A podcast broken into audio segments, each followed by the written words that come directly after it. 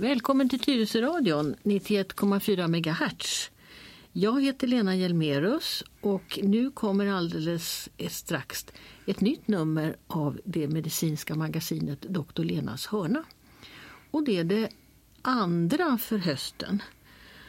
Med mig i studion har jag faktiskt denna gång min, min eh, motpart, eller vad ska vi kalla dig för något? Partner. Partner. Part, vi har ett partnerskap. Och du heter? Leif Bratt.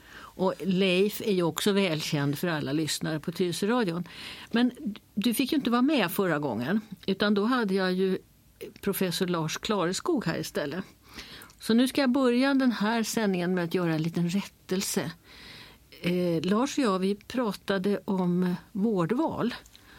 Och eh, i dagsläget så vet vi ju inte riktigt var de olika majoriteterna slutar på och vem som kommer att styra i landstinget. Men eh, den tidigare allians... Eh, vad ska vi kalla det? Alliansstyrningen ja. den har varit väldigt mycket inriktad på vårdval. Och det kanske kommer att bli så i fortsättningen också. Jag pratade då om att vi redan hade vårdval för geriatrik. Det vill säga att man själv får bestämma vilken geriatrisk klinik man vill bli vårdad på. Du kanske får förklara ordet geriatrik? Ja, det är ju då de särskilda sjukhus för äldre personer.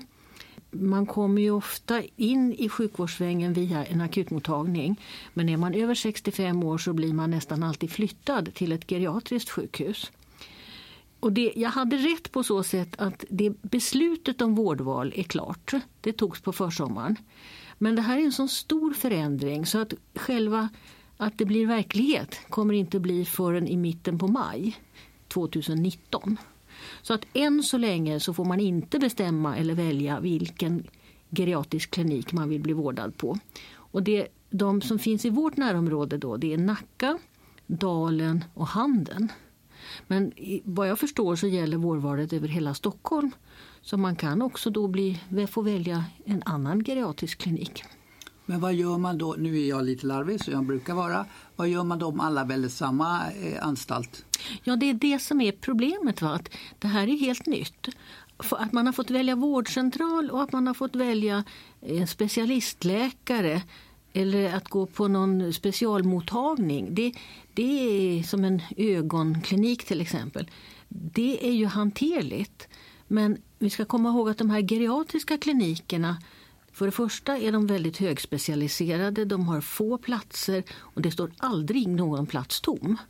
Så det här med att en svårt sjuk äldre person som har kommit in på ett akutsjukhus själv ska kunna välja en geriatrisk klinik det har jag lite svårt att föreställa mig hur det kommer att gå till om jag ska vara ärlig. Ja, det gjorde jag även som lekman. Ja, och du, du, har väl till och med varit lite grann på en geriatrisk klinik när du hade lunginflammation har jag för mig för några år sedan. Var inte du på Handen då? Jo, Handens närsjukhus. Ja, och, alltså, hade... Om den hette ger jag... Men hade du i det läget kunnat välja? Ja, men jag är så okunnig. Alltså, jag låg på SÖS först på intensiv eh, på något sätt. Ja, Sen när, när de hade fått ner mig till hyggliga febernivåer då skickades jag dit. Jag ja. frågade inte ens och det var ingen som frågade Nej. mig heller. Men även om, de, om, om vi tänker att det hade hänt, hänt nu nästa år då? Hade du från en lista med papper kunnat säga ja den här geriatriska kliniken vill jag nu som bara har 39,5 vårdas på. Ja. Nej, jag hade nog bara titt om jag var tillräckligt klar i knoppen så hade jag tittat på vad ligger närmast. Alltså jag tänkte anhöriga vill komma på besök eller någonting ja. sådär. Det hade nog varit mitt kriterium. Och där är ju vi då lite lyckligt lottat eftersom vi har tre stycken inom ganska nära håll. Mm. Men det här, det här vet vi nu inte riktigt hur det här kommer att fungera. Så att eh, det ska bli ett spännande år nästa år för oss som sysslar med just det här området med äldrevård. Mm. Det var en lång historia om förra programmet. Vi kanske ska kasta oss in i dagens program istället. Då. Ja, du har lovat mig eh, epilepsi. Ja, för vi hade ju en serie under våren för den som följer det här programmet eh, som handlade om olika sjukdomar i nervsystemet. Och jag tyckte vi hade täckt upp det mesta. Men plötsligt i sommar när jag låg i hängmattan så slog det mig att vi glömde ju det här med krampanfall helt och hållet. Så det passar ju bra då att vi även där gör en, en eh, uppsträckning i leden och tar med ja. det. Ja. Min undran är då, alltså jag har ju hört begreppet epilepsi men när, tänkte, när du sa att du ville prata om det så tänkte jag, har jag stött på någon som har epilepsi? Nej, inte som jag känner till. Har jag sett någon, någon slags anfall får man, men jag vet ju inte ens vad, hur anfallet gestaltar sig. Så att jag känner bara till ordet. Ja, då får vi börja liksom från början då. Ja. det, det, det här är ju en, ett tillstånd, ett symptom kan man säga. Det, och det betyder att det kan vara ett tecken på någonting annat. Men det, om vi börjar med att säga att det är ett tillstånd som har varit känt ända sedan ja, urminnes tider. Ehm, för några hundra år sedan så kallade man det för den heliga sjukdomen. Och det har att göra med att det fanns någon tanke om att det var eh, speciella människor som fick det. Eh, och det här kan väl också ha funnits någon slags biologisk bakgrund till men, men idag så är det nog inte någon särskilt helig sjukdom. Det tror jag inte.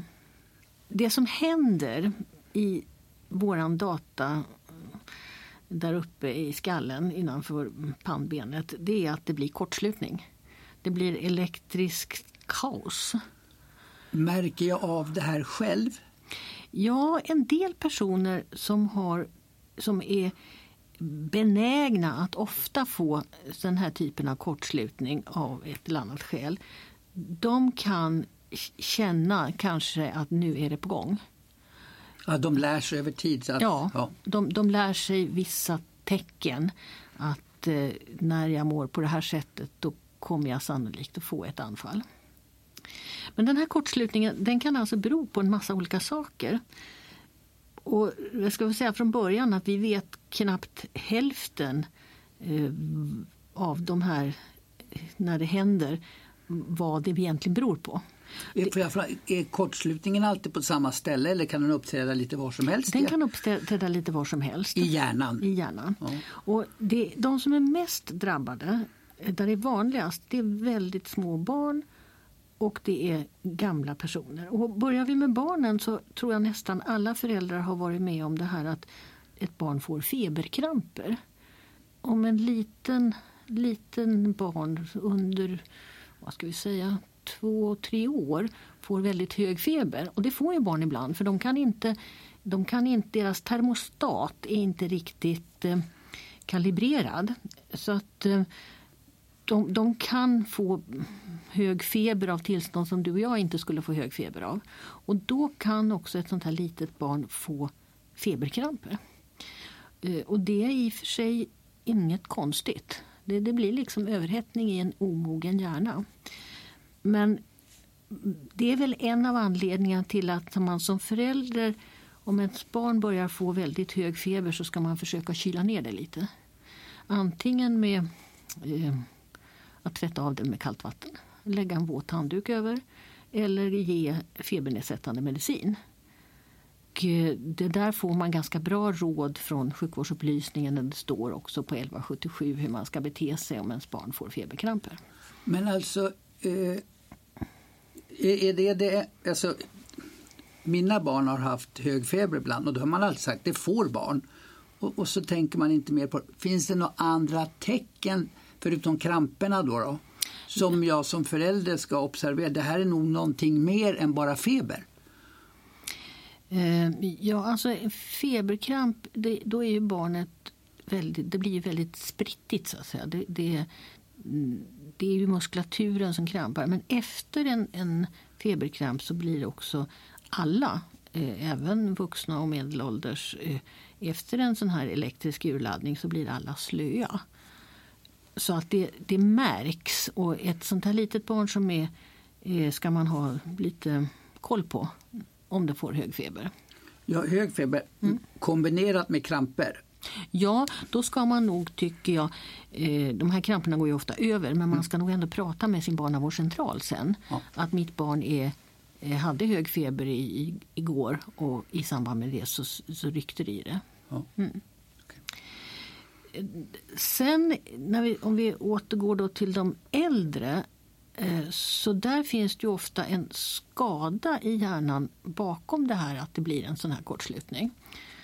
Och det kan vara en demenssjukdom. Det är rätt så vanligt med eh, krampanfall i samband med att man har en demenssjukdom. Och det kan också vara efter en stroke när man har fått liksom ett R i hjärnan. Och, och, och där vet man ju då vad, varför får den här personen det här krampanfallet? Ja, det beror på att de, vi vet att de har en, en varit med om en händelse som har gjort en, en liten skada i hjärnan. Förlåt så att jag fattar dig rätt. Alltså, eh, man kan få det som, som vuxen, alltså man kan vara helt frisk och så blir man säger vi då, dement och i kombination med det så kan man få epilepsi då i 70-årsåldern? Ja, ja, ja, dementa är väl kanske 85 plus men, men en dement person är, kan mycket väl få ett krampanfall. Mm. Och det behöver man ju då som personal på ett äldreboende inte mm, bli förskräckt över. För att den här typen av anfall de går ju ofta över på någon minut. Eh, men det är ju likadant där. Att, eh, så att man behöver som en person som har haft en stroke eller har en demenssjukdom och får ett krampanfall det är inget man behöver åka till akuten för. Och man behöver inte skickas in från äldreboendet. Men däremot så ska ju naturligtvis den läkare som antingen är vårdcentralsläkaren om man nu är, har haft en stroke och bor hemma eller om det är en läkare på äldreboendet ska ju få reda på att att den här personen hade ett krampanfall. Mm. Men när du då använder ordet kortslutning så kanske du gör det bara för att det ska bli lite begripligare istället för rena medicinska termer. Men ja, du är om, klok Leif. Ja, mm, mm. ja, jag menar, nej, men jag menar så här, om det blir kortslutning hemma ja. då märker jag det väldigt tydligt. Att mm. Elektriciteten tar slut mm. på vissa lampor i alla fall. Och så kan jag gå till proppskåpet mm. och så har en propp gått. Mm. Ja. Kan man alltså när det gäller epilepsi se var man hade kortslutningen? Ja, eh, om, om, om, vi, om vi säger så här då. att Om man då inte har en är, litet spädbarn och har jättehög feber eller är väldigt gammal och har en demenssjukdom. Utan är, säg att man är någonstans mittemellan där. Då. Mm. Eh, och får ett epileptiskt anfall, då ska det ju utredas. Men då när du säger eh, epilepsianfall, det är alltså något slags, man krampar mm. hela kroppen mm. eller armar, ben eller vad? Ja, vi kommer tillbaka till det. Förlåt, förlåt. Mm, mm. Eh, men det ska, är det någon som man inte har förväntat, att det, ett, ett krampanfall hos någon där det inte är förväntat, då ska det utredas. Och det gör man då genom att man får en, ett hårnät med eh, en massa små plattor i. Och varje sån där platta läser av elektriciteten in i hjärnan. Och då kan man även i ett tillstånd där man inte har några krampanfall så kan man ändå se på de här kurv, elektriska kurvorna att här finns det ett ställe som skulle kunna sätta igång ett anfall. Alltså här är en, en, en svaghet i de här elektriska strömmarna. Eh, så därför så kan man alltså lokalisera ungefär var i hjärnan uh, finns det här stället som är lite... Ja, proppen är lite dålig just där. Ja. ja. Som svar på det här var. Mm. Om vi sen går tillbaka till hur de här anfallen ser ut så finns det alltså två huvudtyper. Det ena är när man blir väldigt stel, liksom eh, ja, blockerad. Och då brukar man också se det på att eh, medvetandet också liksom blir, blir blockerad. Man blir liksom borta en, en, en väldigt stel och lite borta. Eh, och sen finns det då den här varianten när det rycker i musklerna. Och den stela varianten den heter tonisk och den som, där det rycker det heter klonisk. Och så finns det liksom mellanformer. Eh, min förra hund den hade epilepsi och den hade tonisk kramp, kramp. Så den blev alltså helt totalt förstenad. Och första gången det hände så ramlade den dessutom ut för en trappa. Eh, men den ryckte aldrig. Eh, men den hade alltså epilepsi. Hos människor så är det vanligaste att det inleds med någon bråkdels sekund av det här stela och sen går det över i allmänhet till eh, muskelryckningar. Då. Och de är är det ett stort anfall så är de ju i hela kroppen, både armar och ben. Och ofta så kan man också vid ett stort anfall eh, inte hålla varken urin eller, eller tarm utan man kanske både kissar och bajsar på sig i samband med ett anfall. Men då är det ett, då är det ett stort anfall och de brukar kallas för, på franska för grand mal-anfall.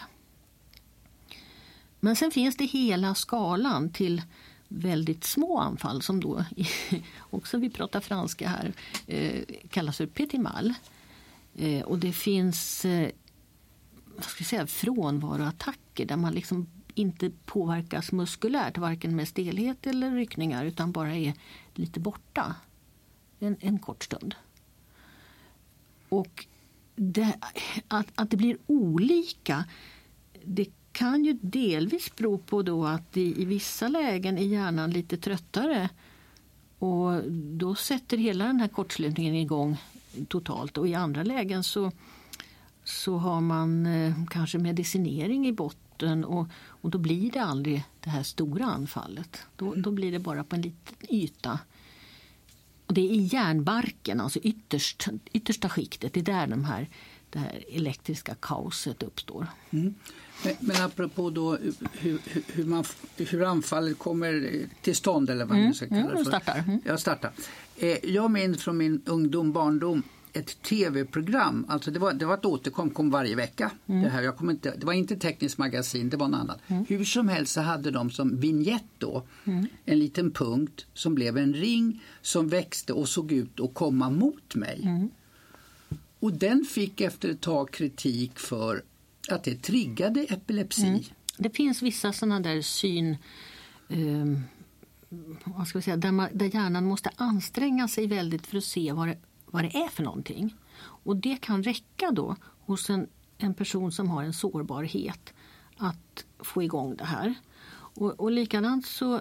Um, alltså trötthet, utmattning eller också vissa, om vi nu ska prata alkohol, förgiftningstillstånd eh, så kan det också vara så att hjärnan är så pass eh, skör så att en utomstående sån här ja, blick som man eller en bild som man inte riktigt ser vad det är kan eh, vara den utlösande faktorn.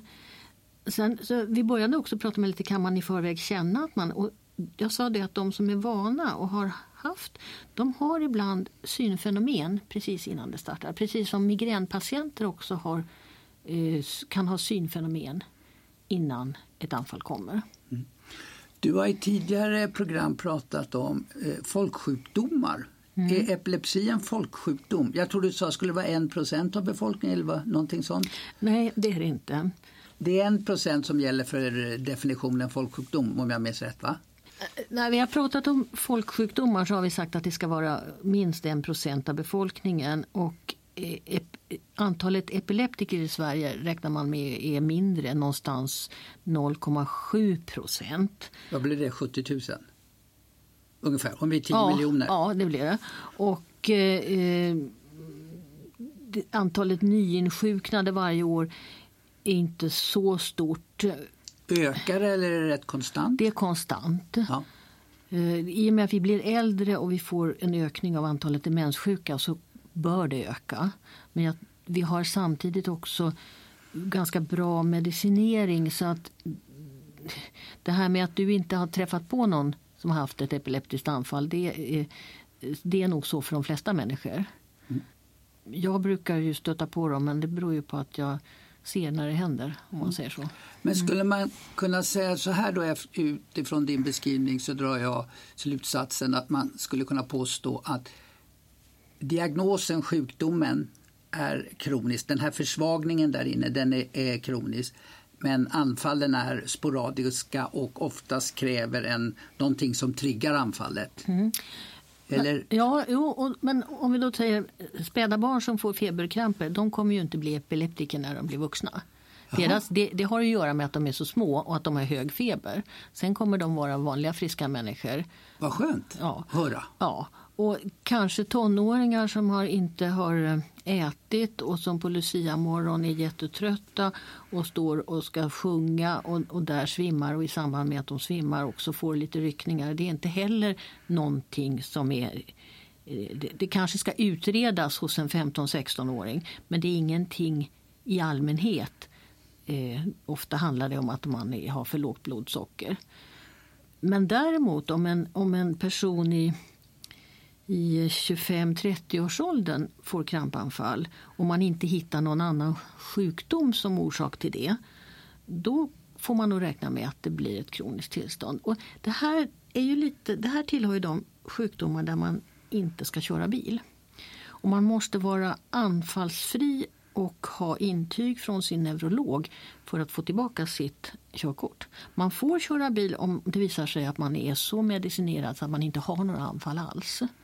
Men eh, det är nog relativt många som eh, går på såna här kontroller för att eh, se om, om, om det funkar med körkort eller inte. Ja, men eh, av självbevarelsedrift borde man väl inse att man inte ska köra bil? Ja. Eftersom man kan inte förutsäga när mm, anfallet mm. kommer. Ja, precis. Men, men så, om verkligheten var så, den är nog inte så. Jag sa att det, här är ett tillstånd som också kan uppstå i samband med into, förgiftningar, intoxikationer. Mm.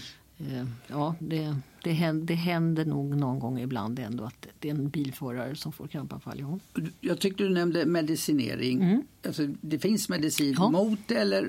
Ja, och det är medel som ska vi säga, stabiliserar hjärnan så att det inte lika lätt uppstår ett anfall. Det finns många olika sorters mediciner och framförallt då för vi pratar om de här tonåringarna eller 25-åringarna där det är en riktig sjukdom som man inte hittar någon annan orsak till. Eh, och där är det viktigt att de har rätt medicin i rätt dos och är anfallsfria. Och likadant för människor som har haft en stroke så kan det också vara jätteviktigt att man har Eh, ett skydd så att man inte i samband med ett anfall får mera syrebrist i hjärnan. Eh, för det är det, anfallet i sig går ju ofta över ganska snabbt. Eh, men det finns ju en risk att man under anfallet får en syrebrist. Mm. Har vi kommit så långt så att eh, alla svarar bra på medicineringen eller är det halvdant? Man skulle säga 90 procent svarar nog bra. Ja. Sen finns det en liten grupp där man där man, det inte räcker med en medicin utan man måste ha två eller tre mediciner och där man hela tiden också måste kontrollera mängden i blodet. Det finns ju människor som är födda med hjärnskador och en utvecklingsstörning. Och I den gruppen av personer så är det vanligt med epileptiska anfall. Och där kan det också vara svårt att hitta rätt dos.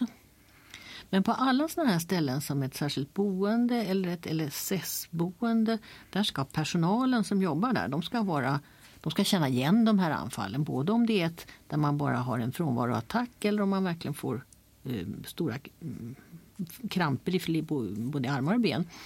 Vad är LSS-boende? Eh, lagen om särskilt stöd det är gruppboende för dem som har svårt att klara ett eget boende eh, men samtidigt är, är yngre än 65 år. Ja. Och där har vi ju då de personerna som, som är födda med någon form av eh, utvecklingsstörning. Mm.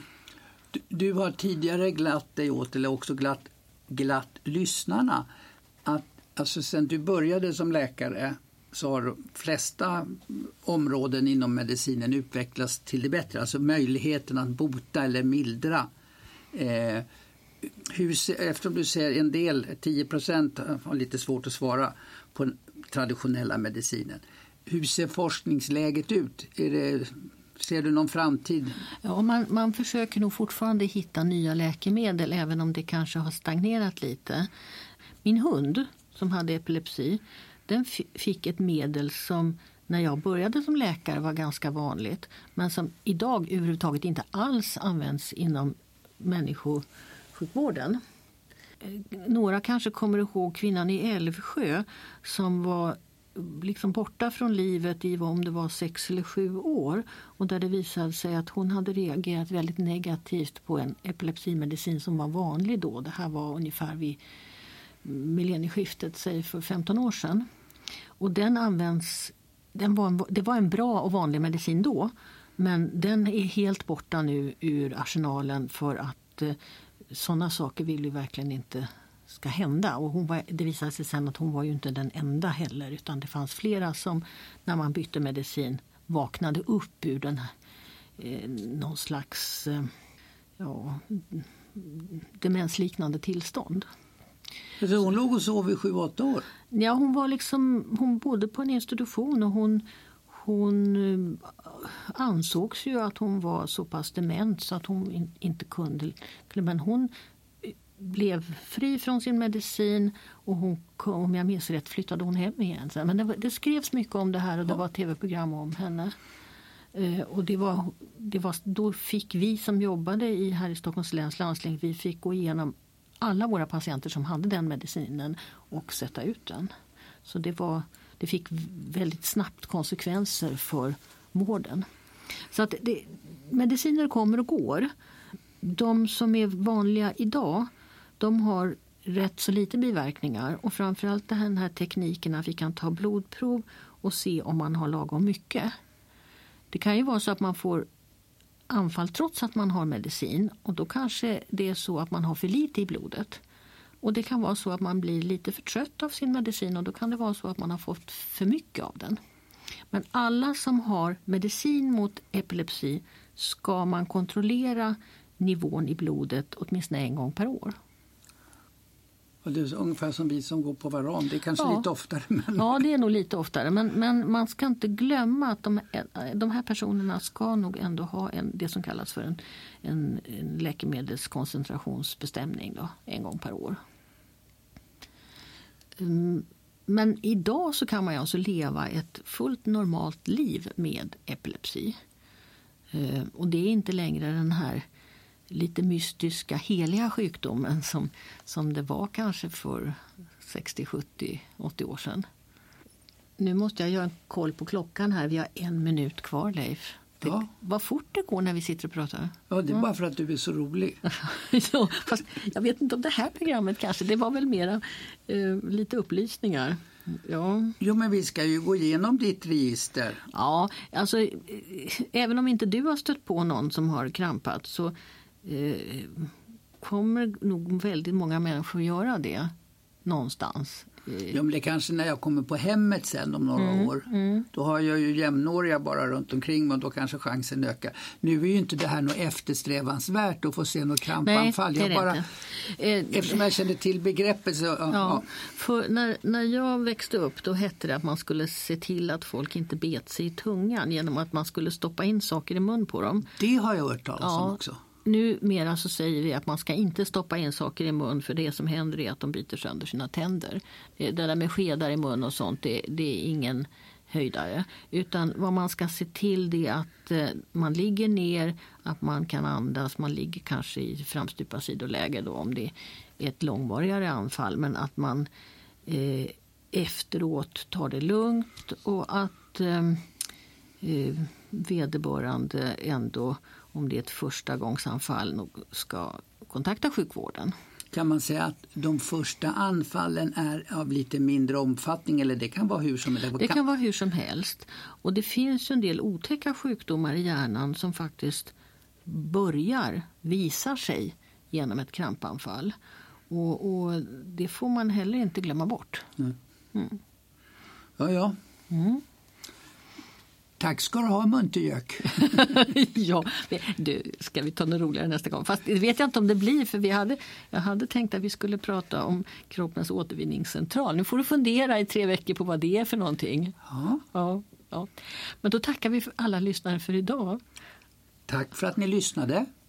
Och eh, Ni har hört då på Leif Bratt och Lena Hjelmerus i Dr. Lenas hörna.